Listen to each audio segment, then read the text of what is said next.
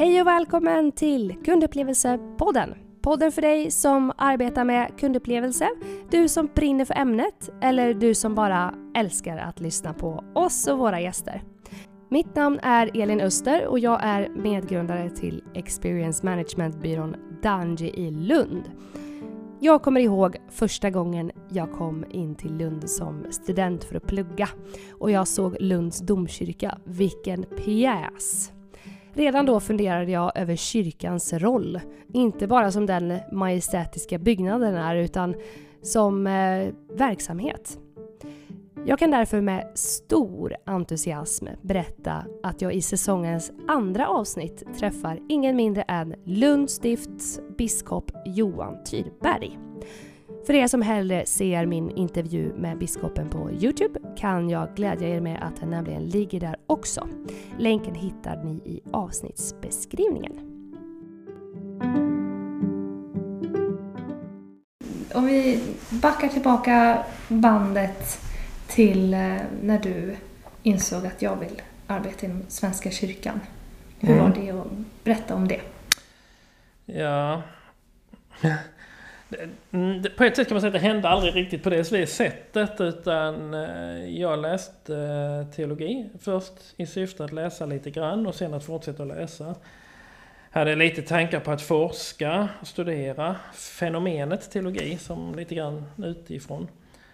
Eh, men sen kände jag mer och mer att jag ville arbeta med människor och inte bara med böcker. Jag vill arbeta med det som berör människor på djupet, det som gör skillnad. Eh, med liv och död, med eh, ja, det, det som är viktigt. Samtidigt så gick jag och grubblade över att jag ville läsa medicin, bli läkare. Och det var i något sammanhang som jag tänkte att ja, men som läkare får man arbeta med människor som är sjuka eller skadade. Som präst får man arbeta med både sjuka och friska, både skadade och oskadade, med alla, både gamla och unga. Och det var nog mycket det som gjorde att jag till slut tänkte att ja, men jag gör ett försök och jobbar inom kyrkan och ser hur det är. Kanske jobbar några år och sen gör någonting annat. Eh, Sen började jag jobba i kyrkan och eh, provade mig fram med lite olika tjänster och i olika sammanhang. Och eh, här sitter jag nu. Vad är det som är så spännande med människor? Alltså alla människor är olika, alla människor har en berättelse och det finns till och med de som uttrycker att varje människa är en berättelse. Vi bär så mycket med oss och i, alltså livet blir till egentligen i det vi gör det till och eh, mötet mellan människor formar våra liv. Och det tycker jag är jättespännande. Och en del människor har med sig saker som man tycker är självklart som inte alls är självklart därför att det är någonting som man har lärt sig eller byggt upp på egen hand. Som egentligen stänger in mig själv i någon form av osynligt fängelse. Andra människor eh, tänker inte alls på saker och ting som egentligen kanske är självklart. Och just det här är också någonting jag tycker är spännande. Eh, att möta och samtala. Vad är livet och vad är, vad är viktigt egentligen? Ja, det där tycker jag också är intressant för att ehm, vi pratar ju om upplevelser i, i den här podden. Mm. Ehm, och det låter ju verkligen som att du brinner för och har en chans att påverka människors upplevelse både av varann och sin omvärld och sig själva. Mm, det, det skulle man kunna säga eh, på ett sätt. Och samtidigt som jag tycker att upplevelse är ett spännande ord därför att det är, eh, det är också provokativt därför att en upplevelse är subjektiv. Eh, och vi förhåller oss till en, ett sammanhang, till ett liv som inte är enbart subjektiv. Min upplevelse av det är alltid subjektiv. Men bortom min subjektiva upplevelse finns det ett något som inte påverkas av min upplevelse. Um, där är ett citat ur en film, City of Angels, där Meg Ryan spelar mot Nicolas Cage. Uh, och Meg Ryan spelar en hjärtkirurg. Och vid något tillfälle så, så har de en dialog där han säger att du behöver inte vara så orolig för patienten som dog. Därför att patienten är väl omhändertagen nu. Och då säger hon att ja men det där det finns inte, det, det där tror inte jag på. Och så svarar han med ett leende att ja men en del saker finns vare sig vi tror det eller ej. Och- just det där, eh, hans ganska avväpnande svar tycker jag är spännande också. Ja, det där angränsar mycket till psykologi också. Ja, det Ja. är det. Mm. Är det någonting som du har varit intresserad också av under... Jo, men jag läste psykologi innan jag började läsa teologi. Eh, Och även filosofi. Eh, Och det handlar just om hur vi människor förhåller oss till omvärlden. Och hur vi påverkas mer än vad vi egentligen är medvetna om. Mm. Men Svenska kyrkan då? Vad, Mm. vad, har, vad är Svenska kyrkans roll i dagens samhälle? Jag tror att Svenska kyrkan dels har en roll och dels tar sig roll. Eh, Svenska kyrkan har en roll som är väldigt mycket given genom eh, vår historia. Kyrkan har funnits med eh, så länge vi har haft ett Sverige som vi kan kalla Sverige. Och på ett sätt så är Svenska kyrkan, eller kyrkan i Sverige, äldre till och med än så. Så att kyrkan är ju, är ju på plats, den finns där när vi föds och den kommer att finnas kvar när vi dör. Så att den är på något sätt någonting som vi kommer in i och så finns den där hela tiden. Det är fascinerande att tänka på väldigt många av de gamla kyrkorna som är eh, ja, 11-1200-talskyrkor. Det är många hundra år som kyrkan har stått på precis samma ställe och människor har kommit och gått. Så att på ett sätt kan man säga att kyrkan har den rollen att eh, vara en förbindelselänk över generationer. Eh, och vara densamma idag som den var när den byggdes.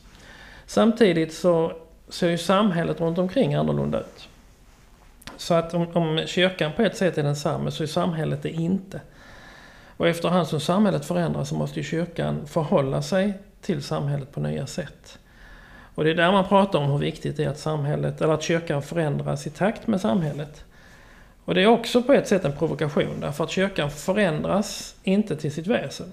Men den måste förändras till sitt förhållningssätt, sitt utseende. Ja, för kyrkan eh, har ju fokuserat mycket på att bli mer inkluderande den, den senaste tiden. Mm. Eh, vad, vad innebär det när man eh, talar till människor och ska, ska bredda sin, sin åhörargrupp så att säga? Mm. Ja precis och det är väl också det här, det, det, det är lite kul just att du kallar det den senaste tiden. För att det, den största förändringen kyrkan gjorde det var för cirka 500 år sedan.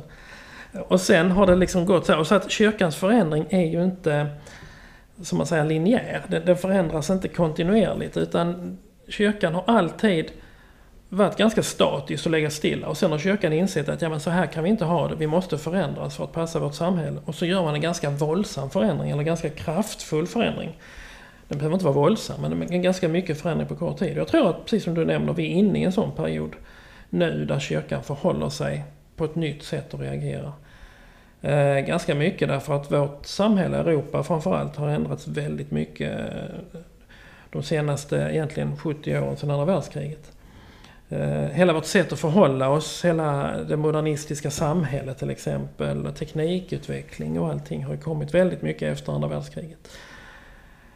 Ehm, och, och där, där, där, upp, där var inte kyrkan med i början. Och sen upptäcker ju kyrkan att man har halkat efter i språk och i reaktion. Och då måste man komma ikapp och då blir det en ganska stor förändring som man ser och som man lägger märke till.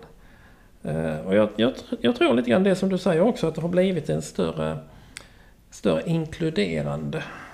Kanske ett större inlyssnande. Eh, Ibland hör man inom kyrkan att vi får komma ihåg att vi har två öron och en mun. Så förhållningssättet mellan vad vi säger och vad vi lyssnar bör vara ungefär eh, ett till två. Lyssna dubbelt så mycket som du Mm. talar. Ja, för att inte bara ska man prata till eh, många olika typer av människor utan också, som du säger, vara med i både människors svåraste stunder och Mm. lyckligaste stunder i livet. Vad, ehm, vad innebär det att, att, att möta så många olika upplevelser och, och känslor hos människor? Och då, då, är det, då handlar det om att lyssna. Därför att två människor upplever inte samma sak likadant. Eh, om det nu är till exempel ett dödsfall så upplever inte två samma, det på samma sätt. Eh, och en av de mer dramatiska händelserna som också på ett sätt kan sägas vara klassiskt, det är när två föräldrar förlorar ett barn som dör. Så tänker man att ja, de här två människorna, de har ju upplevt samma sak. Och bör ju då ha samma upplevelse, men det har man inte.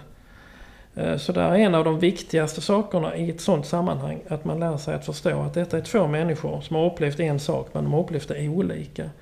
och bär på olika erfarenheter och det måste man respektera och lyssna in så att var och en har sin egen berättelse. Eh, I andra sammanhang eh, som inte är lika dramatiska så är det samma sak. Att, att kyrkan, precis som i alla andra sammanhang, måste lära sig att inte ta någonting för givet. Utan den människa man talar med måste man lyssna på. Hur har du upplevt detta? Vad är det du har med dig? Det innebär ju säkert också att arbeta mycket med sina egna förutfattade meningar kan jag tänka mig. Absolut. Och vara medveten om att vi alla har förutfattade meningar. Eh, och hellre arbeta med dem än låtsas som att vi inte har dem. Det är inget man ska skämmas för? Nej, det tycker jag inte. Man får inte skämmas för att man har förutfattade meningar men man kan skämmas för eh, om man, om man inte tar tur med dem eller inte behandlar dem på ett bra sätt. Mm.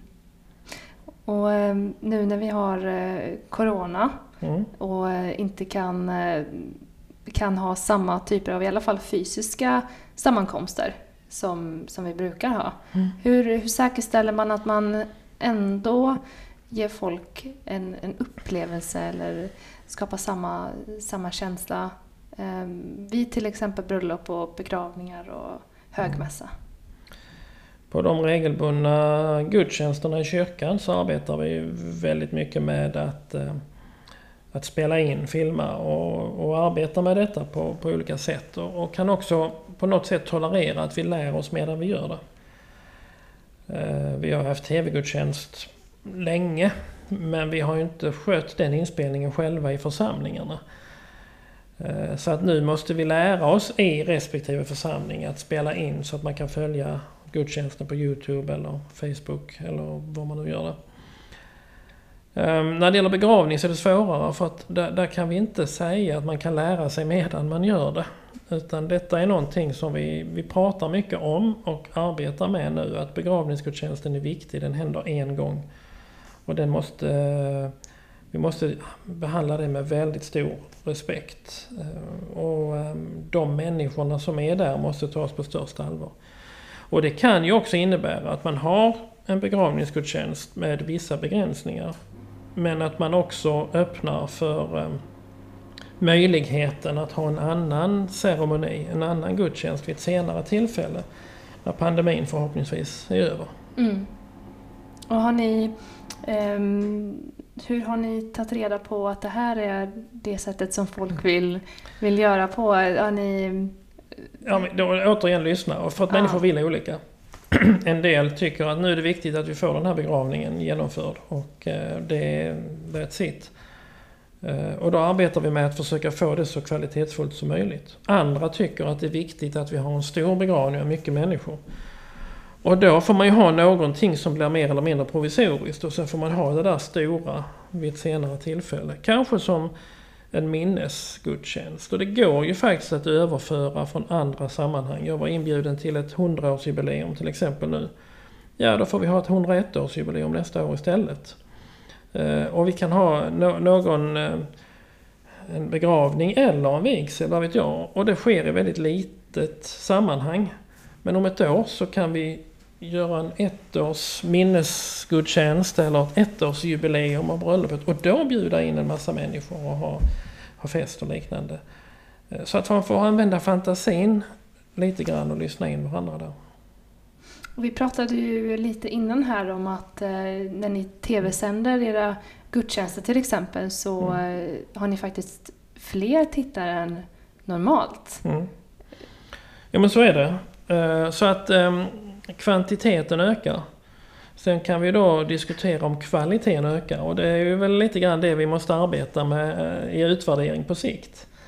Det finns aspekter där jag är alldeles övertygad om att kvaliteten minskar. Eh, men kvantiteten ökar och det kan ju också vara någonting som man kan vara tacksam över i sitt sammanhang. Fler människor kan följa våra gudstjänster, fler människor eh, lyssnar på predikningar, fler människor eh, lyssnar in och ser ett sammanhang i en kyrka. Men färre människor är närvarande fysiskt. Färre människor möter varandras blick i det sammanhanget. Eh, färre människor har möjlighet att mötas i, i det rummet. Eh, och det menar jag är en sänkning av kvaliteten. En sänkning av kvaliteten som vi är nödtvungna att ha naturligtvis. Men eh, där vi på sikt måste arbeta med hur fångar vi upp det när det är möjligt att fånga upp det. Mm. Och för ni har ju såklart andra verksamheter som också påverkas som, som säkert har det största syftet att man ska träffas mm. fysiskt. Absolut. Som biskop så ingår jag i något som kallas för biskopsmötet och det är alla biskopar i Sverige som möts med, med viss regelbundenhet för att samtala om saker som berör hela Sverige. Normalt sett så reser vi tillsammans, oftast till Uppsala men ibland till andra orter. Och sen möts vi kring ett sammanträdesbord och träffas och fika och äter tillsammans och och pratar då både formellt och informellt. Det kan vi inte göra nu. Mm. Alltså möts vi på olika forum för eh, videomöten. Och det har ju den fördelen att det är mycket lättare att mötas, eh, korta möten. Det är, mötena blir kortare, effektivare. Samtidigt så har det den nackdelen att vi förlorar paussamtalet. Och det är oftast i paussamtalet som vi kommer vidare. Inte, spe, inte just nu speciellt biskopsmötet men jag tror att i många sammanhang där vi sammanträder så är paussamtalet viktigt. Eh, men eh, det förlorar vi idag. Och så har vi de videosammanträdena istället som blir korta, intensiva, effektiva, klart och, och sen är det färdigt. Eh, vi vinner ju också både miljö och ekonomi på att vi inte reser så mycket. Men vi förlorar mötet. Mm.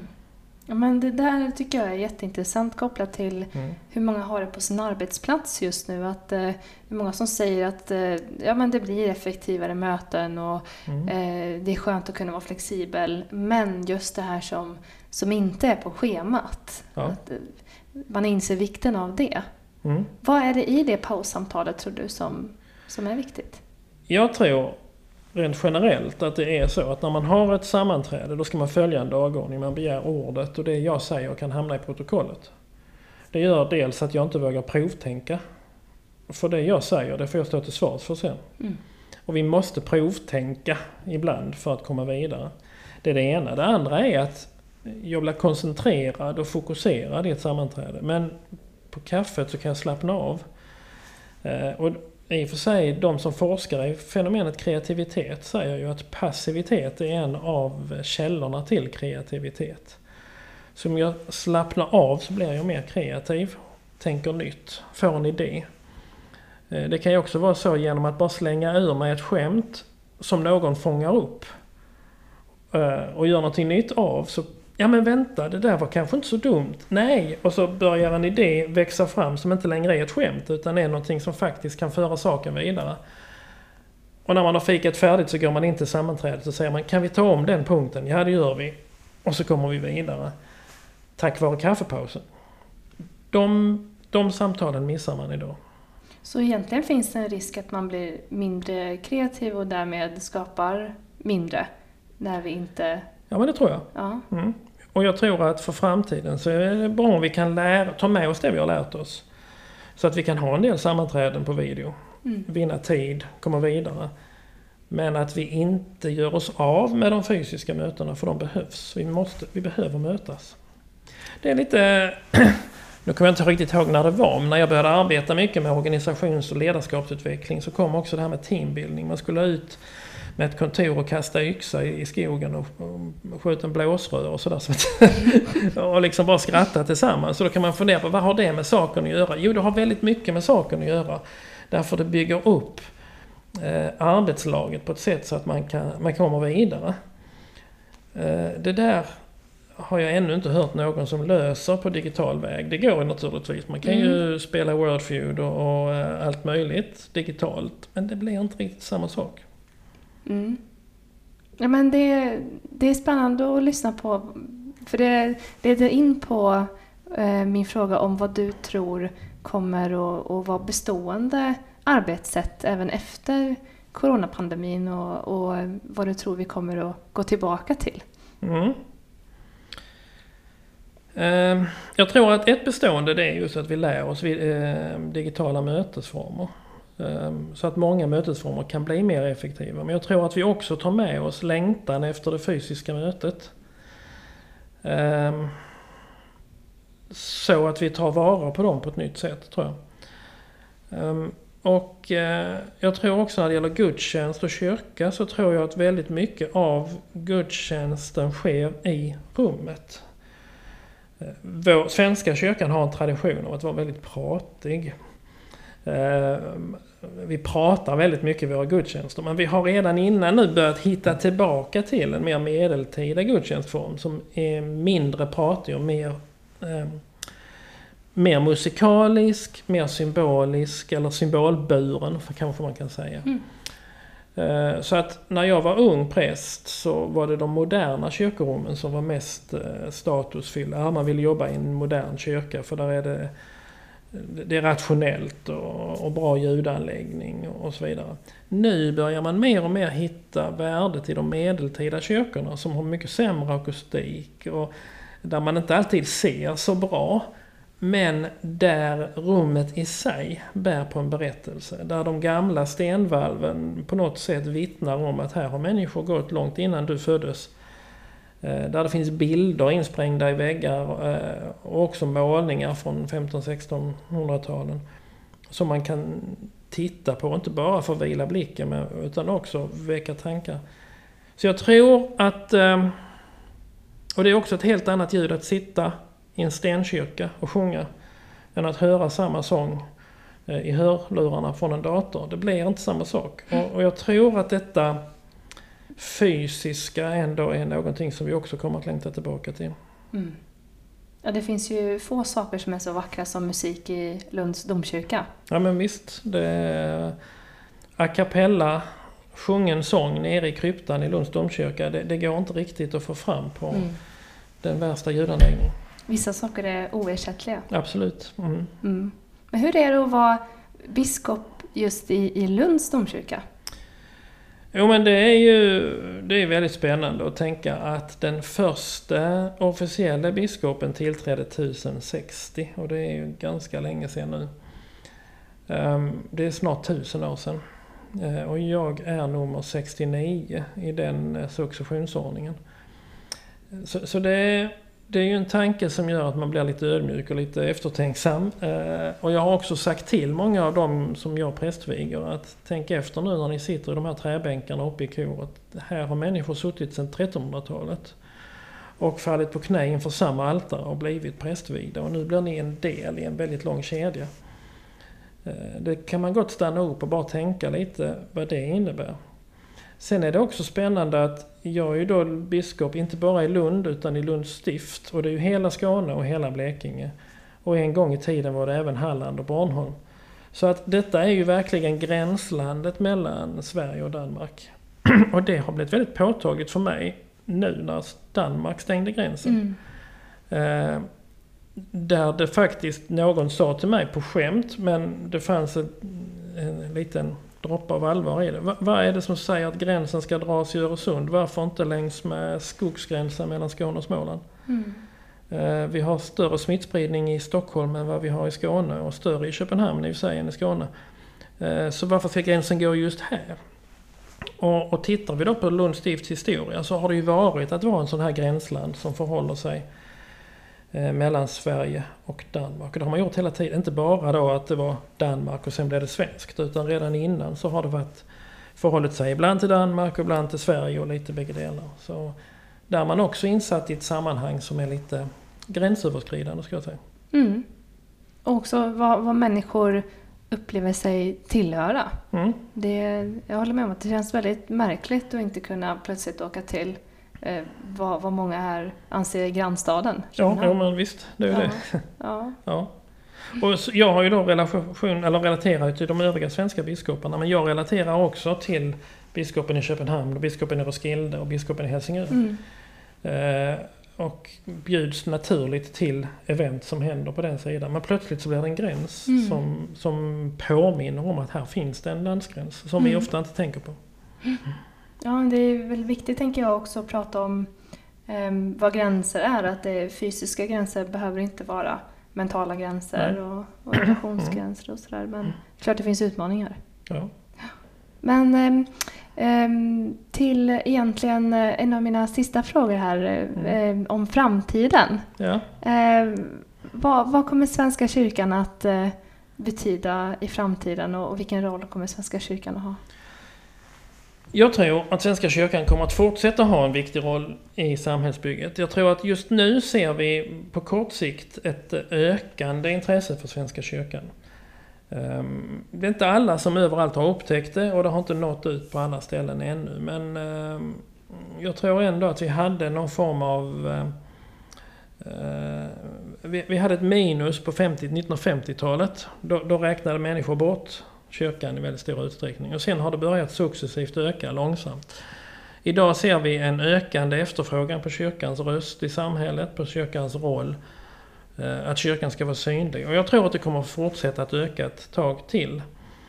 Eh, och på det långa loppet så tror jag att vi ska också komma ihåg att eh, ja, Lunds domkyrka den invigdes den 1 september 1145.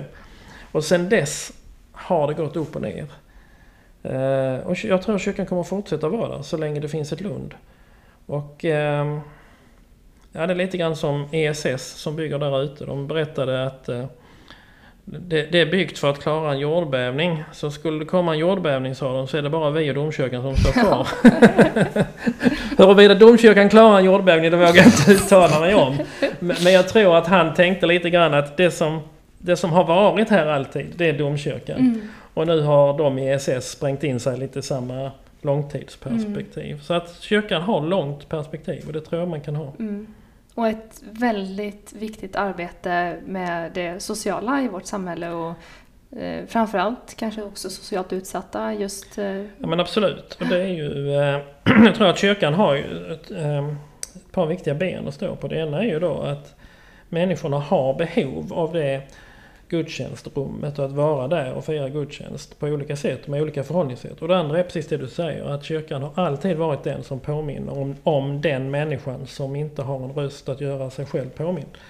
Eh, kyrkan har alltid varit ute på gator, bakgator där människor eh, blir osynliggjorda. Och det är ett väldigt viktigt arbete. Mm, verkligen. Tack så jättemycket för att du ville vara med i Kundupplevelsepodden. Tack så mycket. Tack. Tack.